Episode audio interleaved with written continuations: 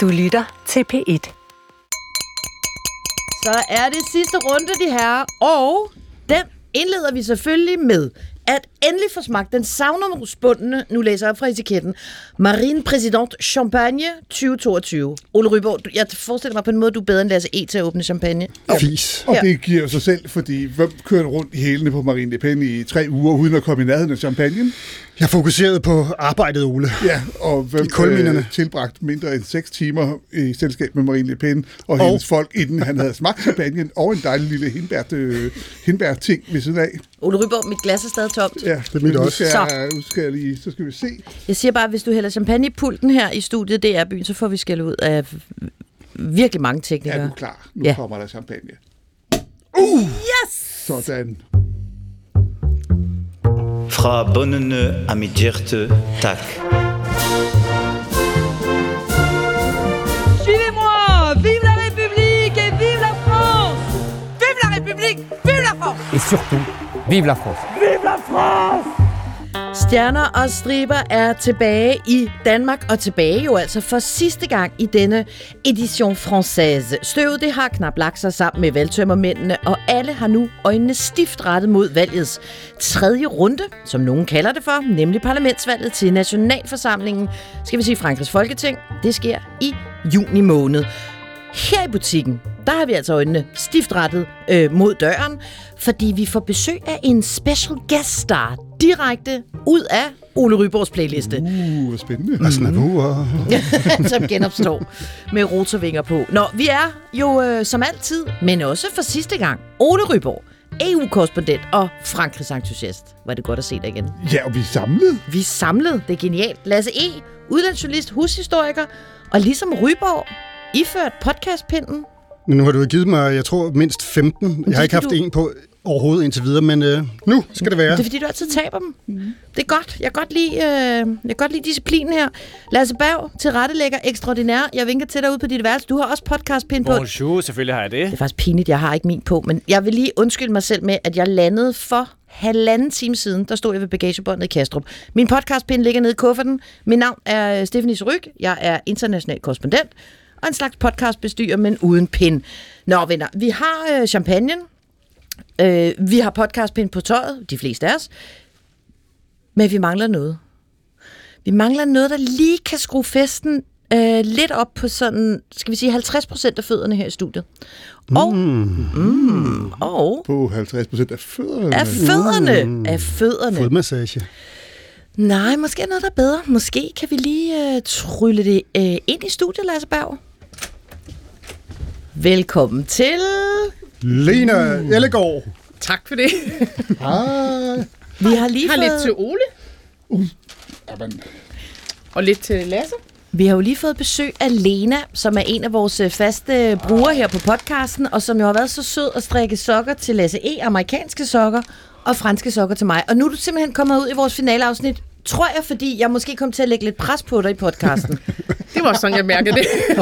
Men du har simpelthen taget bilen og kommer herud en gang til med nye sokker. Mm. Ryborg, må vi lige se din gave? ja, jeg, øh, Pakket ind i fint stribet det er gavepapir med flot grønt bånd omkring. og der er Til Ole, og der står der er- på den. Til Ole, og der er det, det hele er der. Nu skal vi se.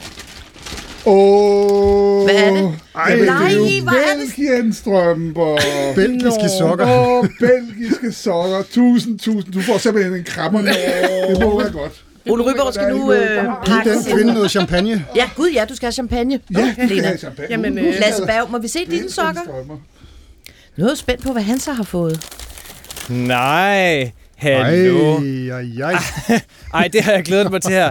Det er simpelthen nogle strømper med noder på. Nå, Ej, hvor er de fine. det er godt. Puh, nu føler jeg mig endelig rustet til at øh, kunne lave podcast. Ja. Tak, Lena. Hvor er, det, hvor er det fedt. Du er mand, der sørger for, at vi overhovedet får musik med i programmet. Hvor er det godt, Lena. Du er et genialt menneske. Skål Tusind i uh, tak, Marie skål. Le champagne. Skål i Marine Le Pen. Fantastisk. Belgiens strømper. Ej, det er stort. Det, jamen, det er mit, altså, Du jeg må love ikke at vente med en kvart omgang, for så er det jo Michael Reiters strømper lige pludselig. Nå ja, det går ikke. Så kan vi måske genbruge dem til det tyske valg på et tidspunkt. Så er det også tæt på, at vi skal øh, kåre verdens bedste stjerner og striberlytter, tror jeg. Det tror jeg simpelthen også. Lena, skål. Vi vil gerne have lov til at skåle for dig og for dine sokker. Hvor er det dejligt. Vores sokker. Fantastisk. Tænk, vi har en teamsok. Lena, må jeg ikke spørge dig om noget? Har du nogen, altså, du har jo fulgt meget med i vores podcast. Det må man sige. Hvor meget har du sådan i det hele taget fulgt med i fransk politik i dit liv? Ej, det er meget begrænset. Det er jo jeres skyld, at jeg har fulgt med i det franske valg, kan man sige. Er det rigtigt? Ja, det er det, må man sige. Det står vi lige og slupper lidt i Ja, jeg gør gerne det. Prøv at sige det igen. til vores chef. Nå, ja. Jamen, altså, men altså, det var, men hvordan, hvordan fandt du, altså, hvordan faldt du over Stjerner og Striber podcasten? Jamen, det gjorde jeg helt tilbage, da I fulgte det amerikanske valg, så jeg har været med lige fra det amerikanske valg. Ej, hvor er det Men øh, så den måde, I får... snedet dig med ind i Tyskland og Også i Frankrig. Tyskland, og så i Og så Frankrig. Frankrig, ja. ja. Men den måde, I formidler det på, og jeres humor, og jeres pingpong, og ja, så også det, man lærer, det er jo det, er det der gør, at man synes, det er mega sjovt at følge med. Det var ikke Macrons måtte, der trak dig. Ah, lige der, der, der melder jeg pas. Den er lidt voldsom, ikke Lena? Og det må man Ja, det sige. synes jeg også. Ja. Lena, hvis vi nu betaler for garnet, Nå ja, kunne man så øh, forestille sig, at du kunne blive en slags fast sokkerleverandør? Vi dækker jo forskellige valg i verden. ja men jeg tror nok, jeg kommer til at skrive til Lars Engelbrecht, at jeg håber ikke, I skal dække det sydafrikanske. Det vil være lidt kompliceret. Det tror jeg ikke umiddelbart, der er Jeg er ikke sikker på, at chefen er op på det. Men jeg kan, måske kan jeg overtales, jeg vil ikke afvise det. Det vil være genialt at have en fast fast knyttet til podcasten, ikke? Ja. Og så kan vi få noget løbende efterkritik. Og jeg tænker, altså der, dels så er der jo, ude at se, hvad vi skal gøre, om vi skal gøre noget med det der nationalforsamlingsvalg, men derudover, så kommer der et svensk valg, ikke? Prøv at se, Lasse Berg, han sidder ude i regien og Ej, hvor ligner sådan det en siddende kankang-danser for at stridt med sine ben, så vi kan se hans fantastiske Lena, de musikstrømper. passer, de passer perfekt, jo.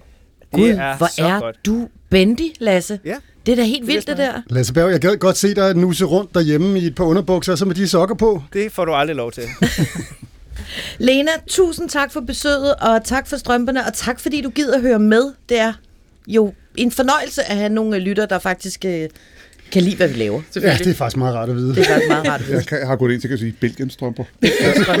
Lena, nu øh, forleden der sad jeg faktisk og kiggede på nogle gamle Charles de Gaulle citater, ikke? Nu starter jeg den gode gamle krig her, og der må jeg Ja, bare han holder op med at sige, rotere, ja. ja, jeg så jo et genialt citat, hvor Charles de Gaulle sagde, Belgien, det er noget, britterne har opfundet for at irritere franskmændene. Og jeg er så enig, Ole Ryborg. Ja. Vi bliver nødt til at lave belgisk podcast på et tidspunkt. Inden du går, Lena, nu skal jeg jo ikke afsløre noget, fordi vi får jo flere gæster i studiet. Mm. Og jeg skal ikke afsløre noget for de andre. Så jeg spørger bare dig, mellem os to. Kan du godt lide uh, Bonsoir Madame nummeret? Altså på det rigtige sted på det rigtige tidspunkt, så kan jeg godt. Sådan vil jeg svare, tror jeg. Hvad er det rigtige sted på det rigtige tidspunkt? Det er hele tiden. Det er hvert sekund i døgnet. altså, det er genialt nummer. Tænker, sådan en Dans i eller gulv til en fest. Ja, præcis. Ja. Ja. Med Ja. et eller andet godt i hånden. Så, For eksempel et glas champagne. Præcis. Præcis. Nå, Skål, og Tusind tak. Skål. Det er mig, der siger tak. Je ne suis plus le candidat d'un camp, mais le président de toutes et tous. Ew, den er lidt sød, er den ikke? Nej, men jeg synes faktisk, den er glimrende. Nej, Jeg burde nok have lagt Nok den fordi jeg lige har børstet tænder. Øhm, nej, den smager da dejligt. den er sur. Ja, det er... Altså, hvornår smager champagne ikke dejligt? Ja, præcis. Nå, nu har vi fået en øh, ny præsident, eller en, en, en genvalgt præsident. Nye Emmanuel sokker Macron. og ny præsident. Nye sokker og ny præsident. Øh, men han er jo stadigvæk tiltrådt, Stefanie. Øh, nu skal der ske en øh, præsident indsættelse. Det skal ske inden den 13. maj. Mm. Eller faktisk en præsident genindsættelse er det jo. Fordi når der kommer en ny præsident, så plejer der jo at være pomp og pragt en masse. Mens at, øh, jeg tjekker lige op de to præsident genindsættelser, der har været senest her, nemlig med Mitterrand og Chirac, da de blev genindsat, så var det bare sådan noget lynhurtigt et eller andet ude i sådan 20 minutter så ude i, i haven bag ved Élysée-palæet, og så var det ligesom, så var man øh, i arbejdstøjet igen. Du lavede indsættelsen i 2017, og jo, hvis nogen kender Macron, så er det jo dig, Stephanie. Kan han nøjes med 20 minutter, og hvordan var det sidst, og har han ikke lyst til at gentage det, eller hvad kommer der til at ske, tror du? Jeg tror, han har lyst til at gentage det, men det gør han ikke. Der er jo, de har jo simpelthen meldt ud, at det bliver en lille, hurtig, øh, sådan meget formel genindsættelse uden pomp og pragt. Om han kan klare det på 20 minutter ude i baghaven, det, det ved jeg ikke. Det får vi jo se. Vi kommer til at skulle øh, følge godt med i det. Men øhm, det, vi går glip af, det er jo ikke så lidt, vil jeg sige. Fordi jeg stod inde på Champs-Élysées under Macrons øh, indsættelse. Og der havde jeg faktisk nogle måneder forinden lavet Donald Trumps præsidentindsættelse i USA, som jo også var i den, altså det er det jo med alle amerikanske præsidenter, helt vild afdeling. Der må jeg bare sige, Macron øh, øh, kunne sagtens leve op til sådan en amerikansk præsidentindsættelse. Forestil jer Champs-Élysées, solen skinner. Der er mennesker hele vejen ned ad den her kæmpe avenue. Der er sat masser af børn frem. sådan i front row, så tv-kameraerne ligesom også kan fange mm, de nye generationer. Og så et militæroptog af den anden verden, hvor Macron han ankommer som en anden Charles de Gaulle jam, stående i, jeg ved ikke, jeg har ingen idé om, hvad det er, noget, noget pansret værk, som han sådan ligesom står op ud af i, i sådan en militærvogn. Øh, også for at signalere selvfølgelig, at jeg har en fast hånd. Jeg er militærets øverstbefalende, øh, og I kan overhovedet ikke øh, køre mig rundt i ringen, fordi jeg har en, øh, nu siger jeg noget, pansret mandskabsvogn. Et eller andet militært, ikke? Det var det helt sikkert ikke. Men det der, den der militære parade, han ligesom lavede selv rullende op af Champs-Élysées, ens ego fejler intet, hvis man første dag på sit nye arbejde ankommer i et militærkøretøj, mens man modtager folkets hyldest hele vejen op ad Champs-Élysées. Og det må jeg bare sige, det indvarslede jo meget passende øh, Macron i Iran. Men alt det, det går vi glip af. Kom der, kom der også de der, øh, er det ikke Alfa Jet, som de plejer at have, de der med fly, der kører hen over Champs-Élysées, og så med, med røg i tre farver? Ja, nej, det plejer de jo at gemme til 14. juli. Det, det gjorde han dog ikke. Dog ikke, Det, dog går, ikke. det kom Nej. senere på sommeren. Det kom senere på sommeren. Nå, så jeg tror, vi får øh, 20 minutter om i baghaven, men måske alligevel med et lille strejf af et eller andet storhed. Og nogle det gode citater. Altså, de har jo problem med købekraften. Tror du, han øh, måske ringer lige til marinen og spørger, kan jeg købe restlageret af Marine Le Pen-champagne til, til, til vores reception? her? Er der noget? og Kan, kan jeg få en god pris? Oh, er Un grand vent de liberté aurait pu se lever sur le pays. Le sort des urnes que je respecte en a voulu autrement. Det kan jo godt være, at øh, Macron han er blevet genvalgt og vil lave en eller anden pompøs genindsættelsesceremoni, men der er jo rigtig meget, der tyder på, at øh, han ikke får utrolig lang tid til at sætte sig tilbage inde i øh, Salon du Ré med sin mm. søde måtte frem og, og nyde sejren. Fordi der gik jo bare ganske få minutter efter, at øh, det blev kendt, at han var den øh, genvalgte præsident, til at Marine Le Pen og socialistlederen, venstrefløjslederen Mélenchon kom ud og erklærede, at de på alle måder ville forsøge at modarbejde Macron. Ne vous résignez pas. Le 12 et 19 juin, un autre monde est encore possible. I må ikke si opgive. Der er en une tredje tur den majorité. 12. og 19. Je dis juni. En anden verden er mulig, siger han jo, og gentager jo sit øh, kampagneslogan, Lasse. Yes. Ole, lad os lige tale lidt om øh, Mélenchon, fordi det er jo ham, jeg har påpeget, har en øh, opførsel, som man måske godt kan betegne som sådan lidt, øh, hvad er det nu, jeg har sagt tidligere? Du har sagt, han var hissig. Er Lidt speciel, ikke? Altså, vi har jo spillet et klip øh, flere gange, hvor han forsøger at slå døre ind og er involveret i optøjer, hvor der blandt andet bliver en betjent kyldet hen over et bord, en bevæbnet betjent. For at gøre livet svært for Macron, ikke, så skal han jo altså samle venstrefløjen. Tror du, han har temperament til det? Øh, ja, spørgsmålet er, om han, øh, eller han, han har sat sig for, at han vil samle venstrefløjen. Spørgsmålet er, om han, er, om han kan. Fordi øh, man kan jo se, uanset om det er højre fløj eller venstre fløj, alle der taler om, at nu skal de samle sig forud for, øh, for det, de flere har døbt tredje runde, nemlig ja, så kan vi nu få valgt et andet parlament, sådan at, øh, at vi har en præsident af en politisk farve, og så måske en premierminister og en regering af en anden politisk farve. Det ser man jo jævnligt i Frankrig. Men, øh, men øh, det her, jeg tænker sådan lidt, det er lidt ligesom, øh, hvis du kan, kan huske det der Monty Python-klip, hvor øh, fra Monty Python, hvor der sidder nogen, og så er de øh, Life of Brian, og så er der nogen, de er øh, Palæstinas befrielsesfront, eller sådan noget den stil, og så er det sådan, nej, nej, nej, jeg er befrielsesfronten for Palæstina, og så har de sådan et andet navn. Altså, og det er jo spørgsmålet er, hvem er lederen af venstrefløjen? Hvis du spørger Jean-Luc Mélenchon, så er han... Øh, Så er det nok ham. Ja, så siger han, at han er lederen. Hvis du så, nu skal de holde møder med socialisterne, siger, ja, ja, men vi kan godt finde ud af at lave et samarbejde måske, men du får ikke socialisterne eller kommunisterne til at erklære, at det er Mélenchon, der er leder af venstrefløjen, og så kan du kigge over på højrefløjen, og så tror jeg, at vi kommer til at løbe ind i det samme. Så de kan godt se intellektuelt, at de skal samarbejde, og, og specielt så er det også problem i forhold til de grønne, den grønne mm. bevægelse, som jo slet ikke rigtig kan lide at blive knyttet for tæt til, øh, til Mélenchons oprørs. Nej, fordi den grønne bevægelse er jo faktisk for eksempel meget pro-EU. Ja. Og det er Mélenchon jo, altså for Det sige det ikke påstå. overhovedet ikke. Så på, på nogen måde ligger de meget tættere på Macron, end de gør ude på den yderste venstrefløj. Så er der en status på, jeg ved ikke, om vi kan kalde det forhandlingerne, samtalerne, de meldinger, der er kommet fra venstrefløjslederne, om de kan finde ud af at være gode venner? De har i hvert fald sagt, at de skulle mødes med de grønne igen Ja, til kaffe, men og- det tror jeg ikke rigtig og fører nogen vejen. Og socialisterne øh, generalsekretær sagde, at de skulle ikke slå sig sammen, men de skulle se på, hvordan de kunne samarbejde. Fordi der var forskel på at være socialist og så være øh, Mélenchon-oprørsk. Øh, og så skal jeg nok undlade at bede dig om at definere præcis, hvad du synes om manden, Lasse E., men, men bare det sige, igen. at, øh, at, øh, at det er, det er op ad bakke, skal man sige, at få det der til at hænge sammen. Valgkampen til Nationalforsamling, den begynder jo officielt den 30. maj. Reelt begyndte den jo sådan set søndag kl. 20. Der er valg i to omgange, henholdsvis den 12. og den 19. juni. Lasse, inden vi lige nørder videre med, med, ja. med de her mulige koalitionsdannelser i parlamentet, som jo handler om, at de forskellige oppositioner jo enormt gerne vil gøre livet så surt for Macron, at han får en premierminister, der vil være uenig med ham i alting. Kan du så ikke lige fordi nu står vi bare her og taler om nationalforsamlingen, som om. Gud og hvad man ved, hvad det er. Og hvad, du er jo hushistoriker. Kan du ikke kan du tage os med en lille tur ind i nationalforsamlingen? Jeg, kan, jeg har prøvet jo at lave noget research her. Ikke? Den ligger jo først og fremmest nede ved scenen øh, over for Concordpladsen, hvor vi, den har vi været forbi et par gange. Hvad, hvorfor gjorde du det der? Nå, men det er bare fordi, jeg jeg laver bare sådan en, et håndtegn hen over min hals, fordi det er der, de halshuggede adelen under øh, revolutionen. Det er måske lidt mærkeligt lige at lave et halshugningshåndtegn. Nå, men Stephanie, hvis du kan stoppe, så vil jeg gerne øh, fortsætte med det, for jeg lavede lidt af min egen research.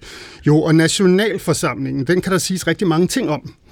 Men jeg synes jo, at den særligt på et område faktisk minder temmelig meget om præsidentpaladset, altså Élysée-palæet, som vi i allerførste afsnit, meget øh, symbolsk for hele vores podcast, række her, Prøv at se, Ryber, han knipper øjnene sammen lige nu. Han er bange for, hvad der kommer. vi døbte jo øh, Élysée-palæet for Nu siger du vi. Du døbte Elisabeth for Horhuset. Du er frygtelig menneske, lad os se. Som udgangspunkt, så vil jeg jo meget gerne have lavet sådan en lidt objektiv historisk analyse. Det er det, jeg er kendt for, stringent historisk analyse.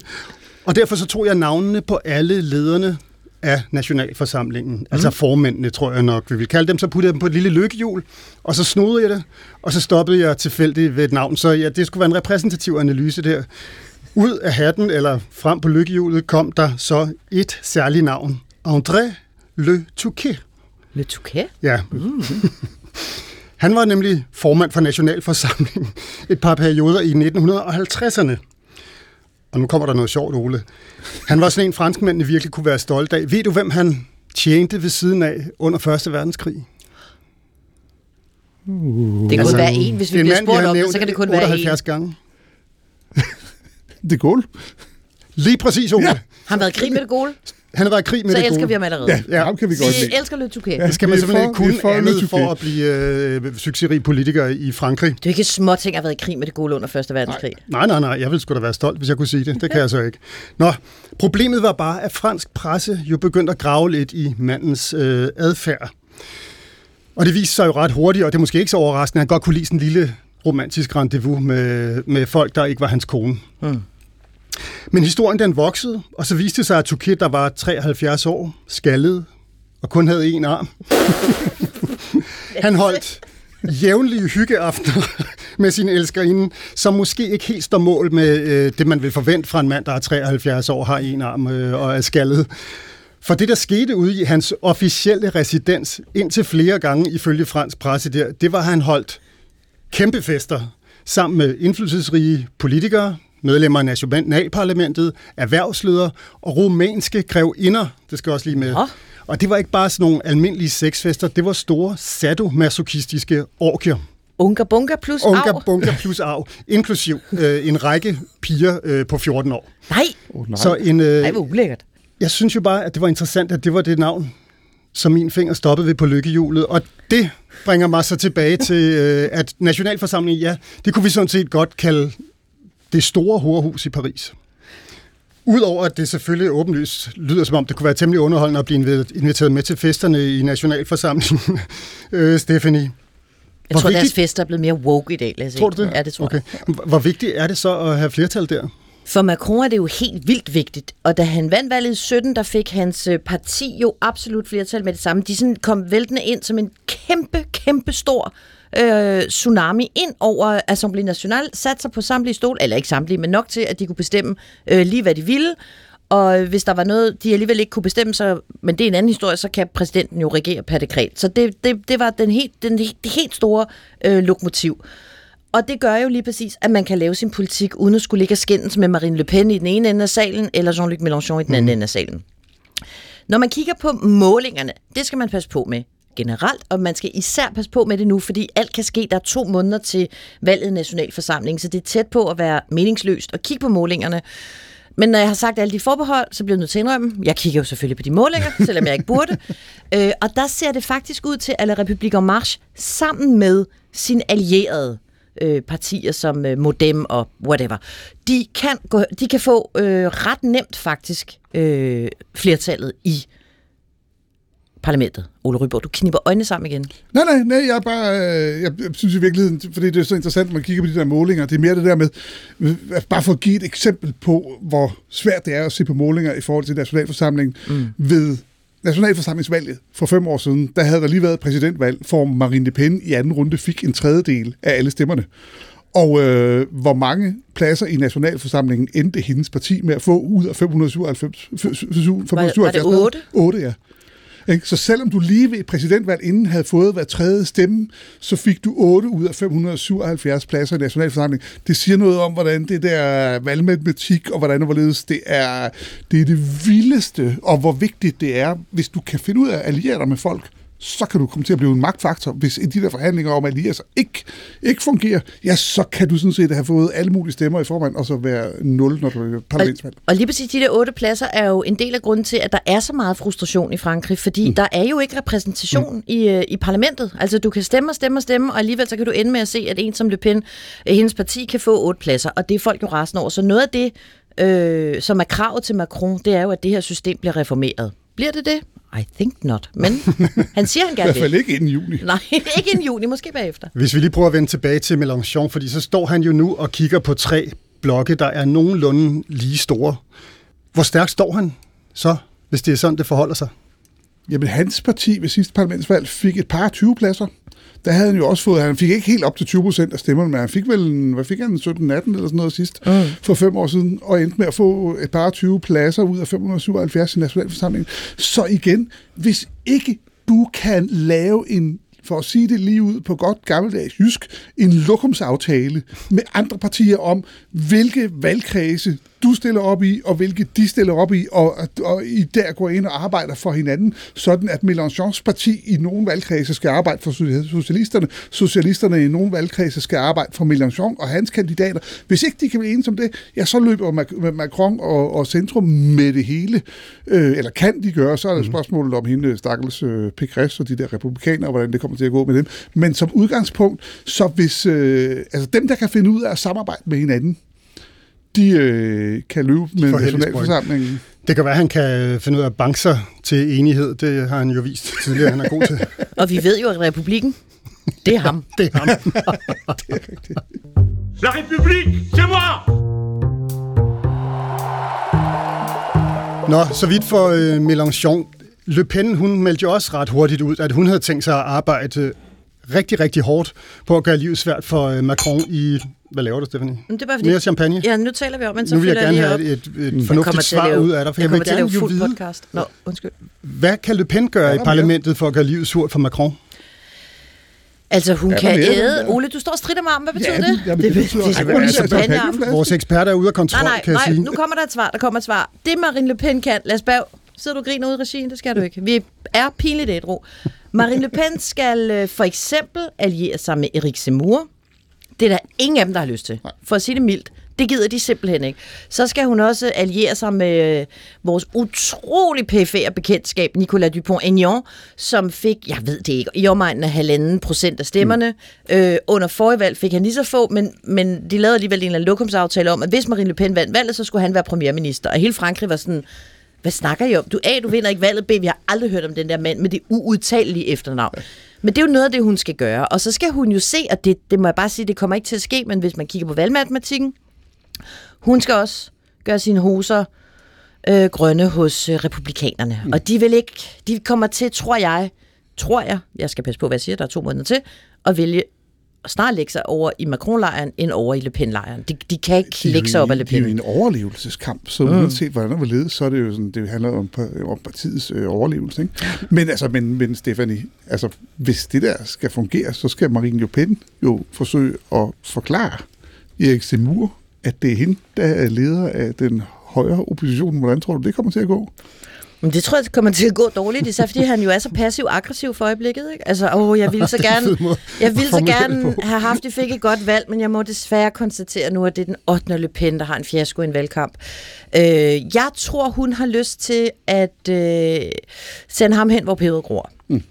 Øh, både fordi hun er, de har haft et så vanvittigt dårligt forhold til hinanden under valgkampen, men også fordi han jo har kidnappet hendes niece, øh, som sidder derovre, og nu er blevet sådan en, tror jeg, lidt kransekage udgave af en vise, øh, hvad hedder sådan noget, viceformand. Ja, viceformand, ja, ikke? ja, men mest sådan en, der sidder på på partiets billede og bider en kuglepen og ser koncentreret ud. Men det er lidt uklart præcis, hvad hun laver.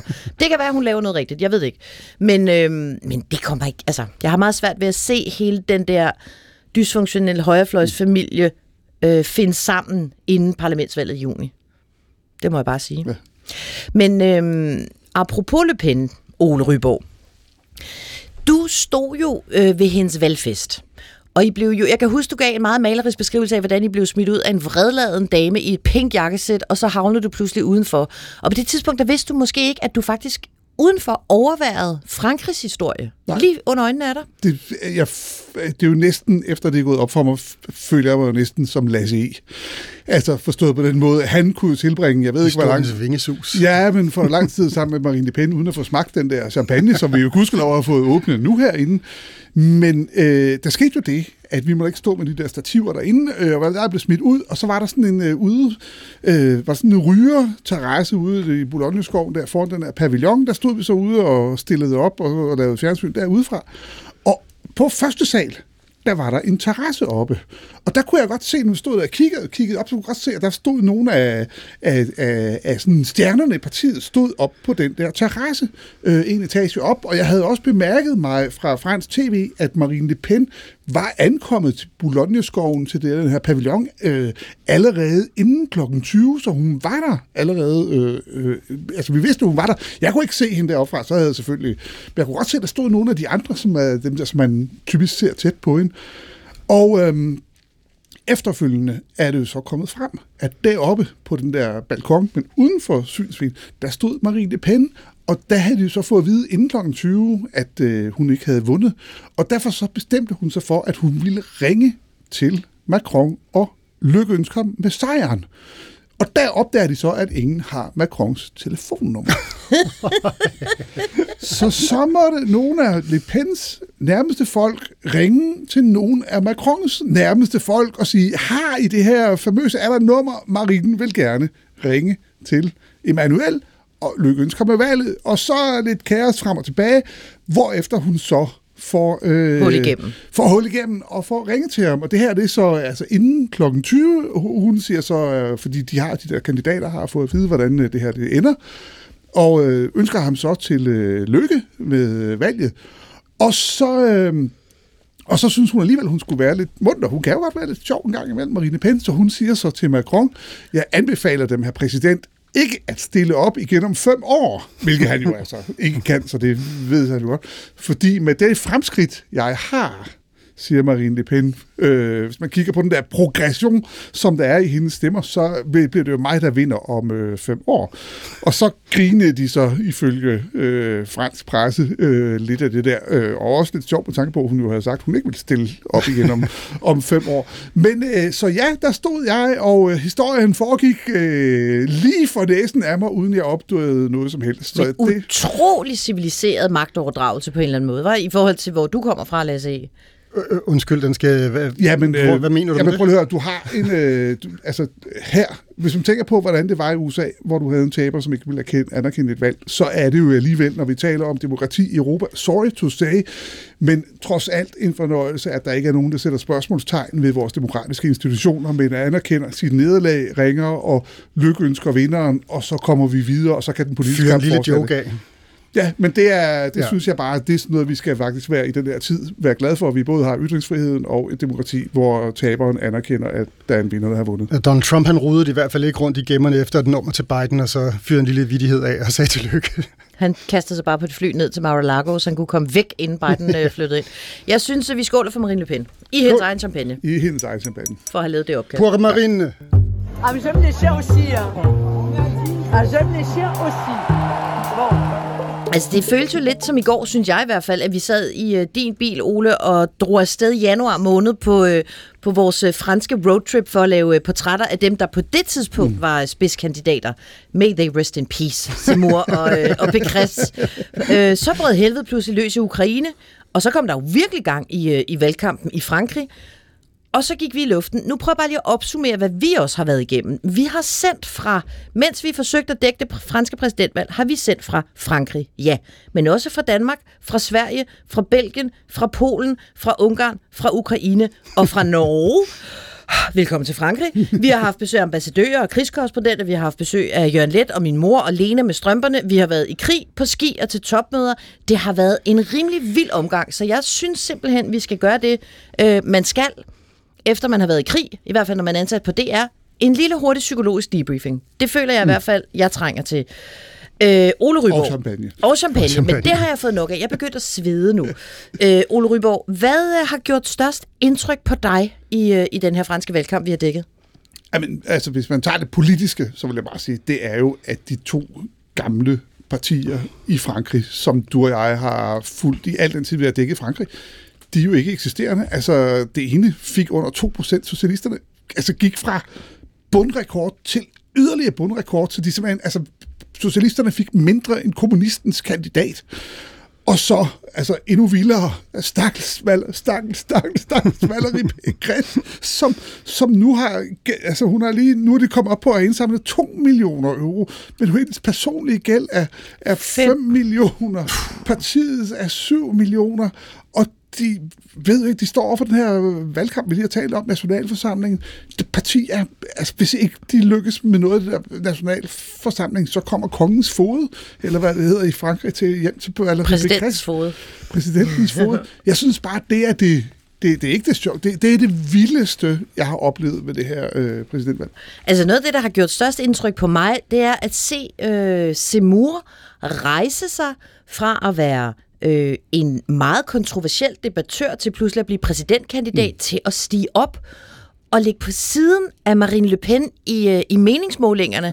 Jeg tror, der var to døgn, hvor han endda var et procentpoint foran hende, hvor man tænkte, hvad det her, det er så sindssygt, det der foregår i fransk politik. Bum, så kommer krigen i Ukraine. Puff, så forsvinder Seymour, fordi han jo har altså kastet den ene kærlighedserklæring efter den anden, mm. øh, efter, øh, efter Putin. Og det var ligesom om, det kunne franskmændene ikke tilgive ham. Og samtidig, og det er der, jeg har haft åben mund og polyper hele vejen, så virkede det som om, at Marine Le Pen, hun var pakket ind i teflon på den der Ruslands-sag. Altså, ja. hun har jo trods alt, vi har talt om det før, haft de her store lån, som hun stadig går og betaler af på i Rusland. Hun havde trygt øh, kampagnemateriale, hvor hun står og holder i hånd med Putin i Kreml for at vise, at hun var også dygtig på den udenrigspolitiske scene. Øh, men det skadede hende jo ikke. Måske Måske havde hun fået et bedre resultat uden Rusland, det havde hun givetvis, men stadig, hun endte med at gå videre til den afgørende runde, trods Ruslandssagen, mens man samtidig kunne se Seymour gå op i flammer på grund af Men- men Ruslandssagen. Hun, var- hun var jo også en erfaren politiker og håndterede det med det samme, mens Seymour mm. jo ikke, altså han... Men det var det, der var så interessant at se, at nybegynderen Seymour ikke anede, Han hvad ben han skulle stå på. Ja. Le Han var Pen, som Bambi på glat is. fuldstændig. Le Pen, veteranen, fik lukket og slukket for det der. Det synes jeg har været vildt at Mm. overvære. Ja, så jeg vil sige, øh, uden konkurrence, det øjeblik, der har gjort øh, størst indtryk på mig, det var da billedet af Macron i en gul lædersofa med opknappet skjorte blev offentliggjort. Det var jo sindssygt. Ja. Nej, spøg til side. Jeg synes jo faktisk, og det er jo forlængelse af det, du siger der, Stefanie, nu har jeg været rundt i Le Pen-land, også i Murland i hele den her periode også. Og jeg synes faktisk, noget af det, der har gjort mest indtryk på mig, det er at mærke den der frustration. For man kan jo godt sidde i Danmark og høre om, at franskmanden er frustreret, bla bla bla, det hører man jo i alle valgkampe. Men det der med at rejse fra Marseille til kullandet op ved syd for Lille. Hele vejen gennem Frankrig fra syd til nord. Lige præcis. Og mærke den der frustration, der er vendt ikke bare mod Macron, men hele det politiske etablissement, eliten, erhvervsledere, banker osv. Det har fandeme været en intens omgang, og det øh, tyder på, at øh, Macrons pinsler er altså ikke overstået med en sejr i det her præsidentvalg. Nu kan jeg se på Lasse Berg, at øh, vi er ved at få besøg af vores øh, næste gæstestjerne. Det var ikke kun Lena, der kommer og forkæler os med sit øh, selskab, men jeg vil bare lige på listen over ting, der har gjort indtryk på mig i valgkampen. Så er der en ting, der har printet sig ind i mine øjne og i min sjæl, og aldrig vil kunne blive ugjort igen. Oh, nej. Jamen, det er synet af Ole Ryborg, der bryder sammen i tårer. Vi taler vand, der plasker ned af Ole Ryborgs kinder, fordi han forestiller sig, hvor meget de Gaulle roterer i sin grav på grund af de republikanerne, eller republikanernes sammenbrud. Og så ender det med, at vi har en eller anden diskussion om, hvorvidt han er en charcuterie-kylling øh, kylling, eller har rotorvinger på. Og der ser jeg for første gang i mit liv min gode kollega Ole Ryborg tudbrøl, men dog at grine. Det vil, jeg aldrig, det vil aldrig kunne forsvinde fra mit indre øje igen. For første gang nogensinde, jeg har været den, der skulle kalde jer til orden. Det er rigtigt. Vi måtte faktisk bede dig om at overtage butikken. Vanvittigt øjeblik.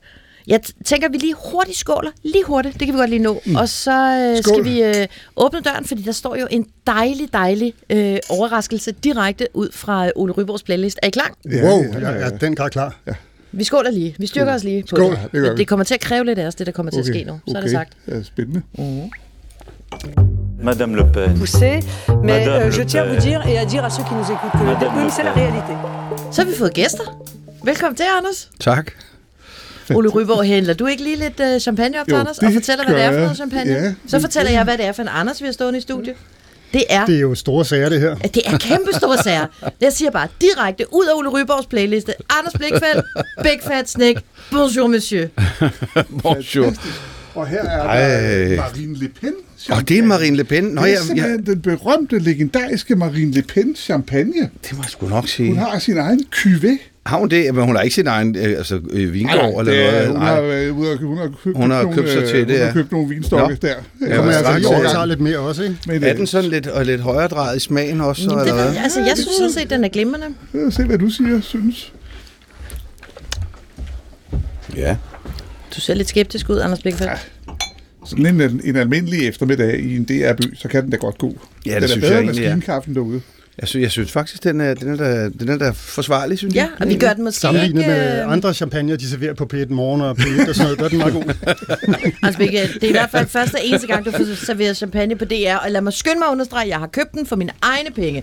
egne penge. Nå, Anders Blikfeldt. Vi har jo sunget øh, Bonsoir Madame på franske landeveje, på franske restauranter, på franske hoteller, mm. til franske valgfester, hvis du bare vidste, hvor meget vi har sunget Bonsoir Madame. Noget, jeg så er faldet over. Og det er måske, hvis jeg skal være helt ærlig, også noget, der falder mig en lille smule for brystet, fordi øh, der var en aften, jeg begyndte at sidde og stalke nogle af jeres live-koncerter. Og der ser jeg så, hvordan du... Øh, du simpelthen kigger ud over publikum, og så vil du gerne advare mere eller mindre mod alt, alt fransk. Ja. Den er gal med fransk nougat, den er gal med franske østers, den er gal med franske øretæver, og den er især gal med, med franske damer. Tak skal I have. Nu vil vi gerne komme med en advarsel imod alt, hvad der kommer fra Frankrig. Fransk brød, franske hotdogs, franske kartofler. Blinkfeldt, hvad er der galt med Frankrig egentlig? Og der er på ingen måde noget som helst galt med Frankrig, men, øh, men øh, på en eller anden måde, så gælder det jo om, når man øh, er i showbiz, og, og lave øh, et oplæg af en eller anden art. Det kender I jo også til. Altså, et, et godt oplæg kan jo virkelig skaffe lyttere ikke? Og, og seere. Så det er jo fuldstændig det samme. Det gælder om at lægge i ovnen til, at nu kommer der altså nok noget, I muligvis har ventet på. Og hvis I ikke vidste, at I nok havde ventet på det, så ved I det nu. så det er jo sådan en, øh, det er bare et, det er et trick i virkeligheden, ikke? Men selvfølgelig henviser det jo også til at Bonsoir Madame, som jo har det der franske omkvæd, ikke? Som, mm. øhm, så, og, og så kan man sige, at den sangen handler jo om en rigtig møgkælling. Øh, og det der er jo mange, der har igennem tiden øh, misforstået, altså som der er folk, der har ringet og kontaktede mig også og spurgte, kan du ikke komme og synge den til vores bryllup? Nej, nej, nej. Nej, det kan jeg ligesom ikke. Fordi du begynder med at synge I heard that you're Well, married I've heard now. that you're married now. Ikke? Så er det bare, nå okay, jamen, så er det nok en bryllupssang. Ikke? Øh, og så er der virkelig mange, der siger, den der bonjour, madame, den er altså god. Øh, så jeg har prøvet øh, meget med den sang. Den har virkelig... Altså, den har virkelig givet mig utrolig meget, den sang. Ikke? Det er Mhm. også på en eller anden måde gaven, der bliver ved med at give, ikke? Fordi der er også sådan en som Heino Hansen, ham stand-up-komikeren, han har jo haft den med på, jeg tror, 200 shows. I stedet for, at der er blevet sagt skål, så er det bonsoir, madame. Skål, Så en Ja. Det kan vi godt sige. Ja, skål. Det er nu simpelthen den officielle skålsang på podcasten. Ja. Øhm, så ja, den har virkelig, den har virkelig øh, givet mig mange ting, den sang. Øh, både for det meste, altså en 95% gode ting, men også en gang imellem, hvor jeg tænkte, du store verden, mand. Bliver du træt af den nogle gange? Hvad siger du? Bliver du træt af den nogle gange? Øh, jeg har været lidt træt, egentlig ikke så meget af sangen, men af det, som den gjorde, fordi i øh, starten af nullerne, tror jeg, eller slutningen af 90'erne, der købte øh, Kvickly rettighederne til at, at, at bruge den i to år som øh, reklamesang. To Og der var sådan en, en, en øh, rimelig dårligt oven i købet, øh, hvad hedder sådan noget, computeranimeret indkøbsvogn, der kører ud af en landevej til tonerne af Bonsoir Madame med... Jeg har et, et overslag mellem 3 og 5 tons hakkekalv og flæsk, der kører afsted i. Det kan jeg godt huske. ja. Øh, og hvad hedder det? Det var fordi, at vi jo i sin tid lavede sådan en forlagskontrakt øh, på, på hele vores repertoire. Og det vil sige, så er det jo lige pludselig forlagets øh, job og arbejde at, at sælge øh, sangene til noget, altså kommersielt brug af en eller anden art. Ikke? Så det var ikke engang sådan, at, at jeg havde ikke engang rigtig muligheden for at sige, ej, den går sgu ikke, eller lad os prøve i tre måneder og se, om vi bliver trætte af det. Den kørte simpelthen i to år, fra altså dato til dato, to år simpelthen. Ikke? Så det var... Så det vil sige, det der, når man altså spiller i et band, der skal on the road, og så, så kigger man på hinanden og siger, nu giver vi den skulle lige gas med noget sovs og kartofler her, når vi kommer ind til det her Ja, spillested. Det må ja. sige, det har Bongs Ja. Madame så leveret i store Ja, det har det i den grad, ikke? Fordi det er jo alt fra havegrills til, uh, til altså, okseragu, ikke? Der er røget afsted til den sang, ikke? Men det vil sige, den bliver ligesom ved med at få ny liv, fordi så havde den ligesom kvikke-æraen, så har den fået Heino Hansen-æraen, Mhm, og, ja. og plus at den jo stadigvæk har sit eget liv. I spiller den jo stadig. Og Ja, ja, altså, jeg striber-æraen. Stjerner og striber-æraen. Ja, ja. Jeg spiller den stadigvæk. Altså, vi stoppede jo med Big Fat Snake i 2018, og, øh, og så tænkte jeg sådan, tænkte, så kan det være, at, at jeg måske skal have den lidt på, på pause, mm. øh, men det kan man ikke. Det kan jeg ikke. Altså, det, det har ikke noget at gøre. Jeg, Folk jeg hænger på den. men, men, men jeg gør det også med glæde, fordi der er jo også noget fantastisk ved at have lavet en sang, som alle mennesker kender. Mm. Altså, det, det, er, det synes jeg virkelig er sjovt. Uh, og, og enormt mange mennesker har et forhold til den her sang, ikke? fordi den jo også deler folk op. Altså i folk, der elsker den sang, og folk, der synes, det er det værste lort. Ikke? Der vil jeg jo godt lige have lov til at sige, på vores lille podcast, mm. der er jo sjældent, at der har været kur på tråden i vores lille firebande her. Men, men der har været en lille kur, fordi når vi har sat Bonsoir Madame på og skrålet løs, Og det har vi gjort ofte. det har vi gjort ofte, så har øh, Lasse E., som du øh, står overfor, sådan lidt demonstrativt siddet og, øh, og blottet sin tandhalser. Det gør du igen nu, Lasse. Jeg føler men du faktisk, har at der er et mundbind op foran øjnene. ja, men du har jo et regulært traume. Jeg har faktisk et traume, jo, Anders. Jeg er egentlig på mange måder rigtig glad for, at du er kommet, fordi jeg anser sådan set det her øjeblik for at være et af de større i mit liv. Et øjeblik, som egentlig kan sammenlignes med sådan en øh, god to timer hos en terapeut, hvor du vel og mærker er terapeuten, og jeg er den, der sidder tilbage med, med problemerne. Ikke? Det hænger sådan set sammen med, at jeg tilbage i øh, slut 90'erne selv spillede musik, Ja. og det var sådan noget lidt klynkende indie-rock. Det kender du godt sådan noget, ikke? Jo, for fanden jo. Og vi håbede selvfølgelig, at det ville gå skide godt. Øh, det håb, det blev sådan, det, det, det var stigende. Så skrev du Bonsoir, madame. og så skrev du med alle pengene og alle damerne. og min musikkarriere, den stoppede. Ja, så jeg har haft det hårdt med dig siden, men jeg, jeg, må jeg gerne rykke sådan lidt tættere på dig, fordi det er jo godt det der med at sådan, altså man skal møde sine traumer. så, der, så, så rykker jeg lige lidt herover. Jeg Skal I kramme os? Ej, nu bliver det bliver virkelig mærkeligt nu. Vi har bare fået, vi har fået ret meget den der det jo Le Pen bedre nu. Altså. Jamen, det er dejligt. Altså, jeg kan godt lide, at du kommer tættere på. Det er også meget sjovt at blive konfronteret med det jo, ikke? for, for, måske for dig, men også for mig jo, ikke? Det er også rart at møde manden bag øh, et af de alvorligste traumer i mine sene 20'ere. Men det vil sige, du er vant til det der med, at det kan splitte nummeret. det er jeg, ja. Det er helt klart. Øh, Og, og der er jo også folk, som har forsøgt, og det synes jeg virkelig var sjovt, at, at sige, at øh, nu, vil, nu vil de gerne gøre øh, Bonsoir Madame finkulturel. okay. Det synes jeg nok er noget af det sjoveste. Andreas Odbjerg, som, øh, øh, som vi nu alle sammen kender jo for mm. to år siden, hvor at der ligesom ikke rigtig var nogen, øh, der rigtig kendte ham endnu, øh, der lavede han en version af, af Bonsoir Madame, som så skulle være øh, altså mere sådan finkulturel på en eller anden måde. Men-. Så var den sat om i mål, og den var sådan rigtig trist i det hele, hvor at jeg virkelig tænker, at hvis de nu havde ringet til mig og spurgt mig, sig mig, hvad handler den sang egentlig om? Så vil jeg jo sige, den handler om en mand, som er skide glad for, at han er sluppet af med hende, der er hovedpersonen mm. i den her. Så han er virkelig glad for, hun er ude af mit liv. Nu er der en anden, der er blevet gift med hende. Han hænger på hende. Stakkels ham, simpelthen. Han ikke? Så der er ikke nogen grund til, at det der, fordi han sagde, at der er sådan et mod, der er noget modsigende i, at den har sådan en glad rytme, og den så øh, hvad hedder det, øh, er, er, you sent me to hell, og alle de der ting. Nej, han er skide glad, og det er derfor, den går sådan. Hvordan Så- har du det med, at nogen prøver at gøre den finkulturel? Jeg har det sjovt med alle, der prøver at gøre noget ud af den. Jeg har også en version med Sushi og Leo. Yes.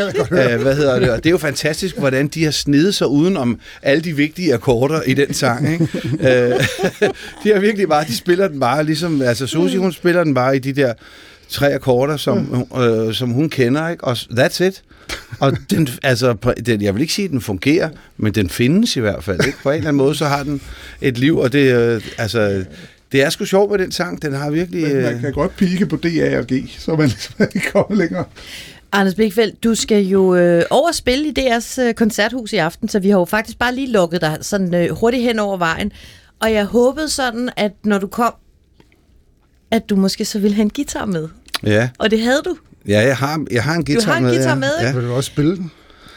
Jeg kan, ja, det kan jeg godt Må gøre. vi- må jeg vi- skal spille vi- den senere alligevel, så jeg kan godt lige varme den Men op. Anders Blikfeldt, vil du ikke godt, hvis du ved, hvor glad jeg bliver, hvis du bare siger ja til det og siger nu, må vi synge med på kor? Ja, for fanden, det skal da bare give gas. Okay, så jeg, jeg, jeg, jeg siger lige øh, sådan noget, man skal sige i sæsonafslutningen, og så går vi ud på Bonsoir Madame. Så, Ja, så det, jeg det er siger fint. nu, det er, det var simpelthen det, for Stjerner Striber tager til Frankrig. Stjerner Striber er selvfølgelig tilbage i en ny holdopsætning til øh, det svenske valg. Så har vi også et øh, amerikansk øh, midtvejsvalg, der venter øh, en gang ud i efteråret. I kan bare kigge ned i øh, årets valgkalender og finde ud af, hvornår øh, Stjerner Striber genopstår. Indtil nu, så siger vi bare øh, merci for den her gang. Viva Republik. Vive la France! Et vive, Vive la France. Et vive Anders Blickfeldt. Vi håber, det går. Well, I've heard that you're married now. and I've heard that you don't guess you can hold him down. I bet he's kissing the marks that you leave in the ground. Well, I'm happy for your happiness. Happiness. And you'll be lonely beyond loneliness. Så det nu. Ja. Okay. Bonsoir, madame.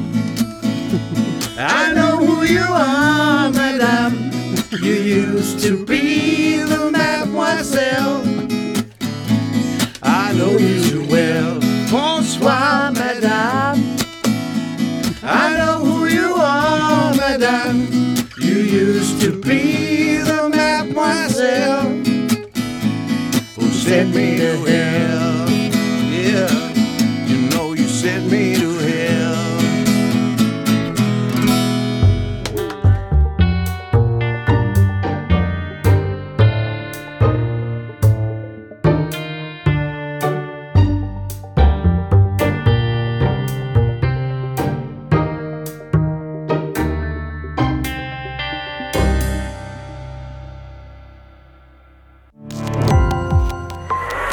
Opdagelse i alle DR's podcast og radioprogrammer. I appen DR Lyd.